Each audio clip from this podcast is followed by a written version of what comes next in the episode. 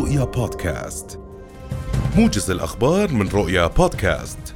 قال مدير العمليات في موقع طقس العرب أسامة الطريفي إن الأردن سيتأثر يوم غد الأحد بمنخفض جوي تم تصنيفه بشكل أولي من الدرجة الثانية. وأضاف الطريفي لرؤية أنه لا يستبعد أن تشهد قمم المناطق العالية زخات ثلجية ليلة الأحد الاثنين.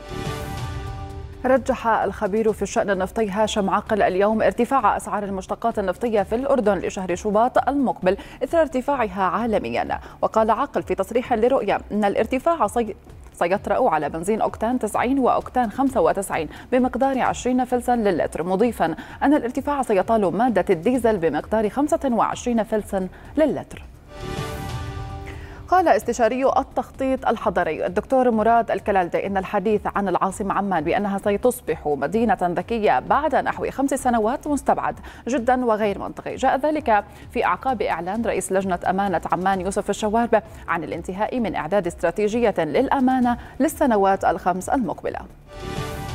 ردت حكومة الاحتلال الإسرائيلي بالرفض على طلب قدمته القيادة الفلسطينية للسماح بزيارة الأسير ناصر أبو حميد بهدف الاطمئنان على صحته. وحمل رئيس الهيئة العامة للشؤون المدنية حسين الشيخ حكومة الاحتلال الإسرائيلي المسؤولية الكاملة عن حياة الأسير أبو حميد داعيا المؤسسات الدولية الرسمية والأهلية بالضغط على تل أبيب من أجل إطلاق سراح الأسير أبو حميد للعلاج. تستمر المعارك لليوم الثالث على التوالي بين مقاتلين من تنظيم داعش والقوات الكردية شمال شرقي سوريا على إثر هجوم على سجن أسفر عن سقوط أكثر من سبعين قتيلا وفق ما أفاد اليوم المرصد السوري لحقوق الإنسان.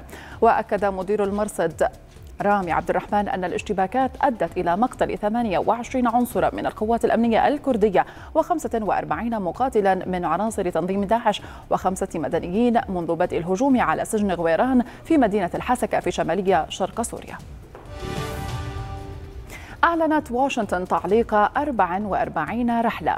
ركاب من الولايات المتحدة إلى الصين بسبب القيود الصحية المتعلقة بوباء كورونا التي فرضتها بكين على شركات الطيران الأمريكية. وتفرض الصين رقابة صارمة جدا على الدخول إلى أراضيها بما في ذلك إلغاء رحلات جوية إذا كان عدد حالات الإصابة بفيروس كورونا على متن أي طائرة منها مرتفعا.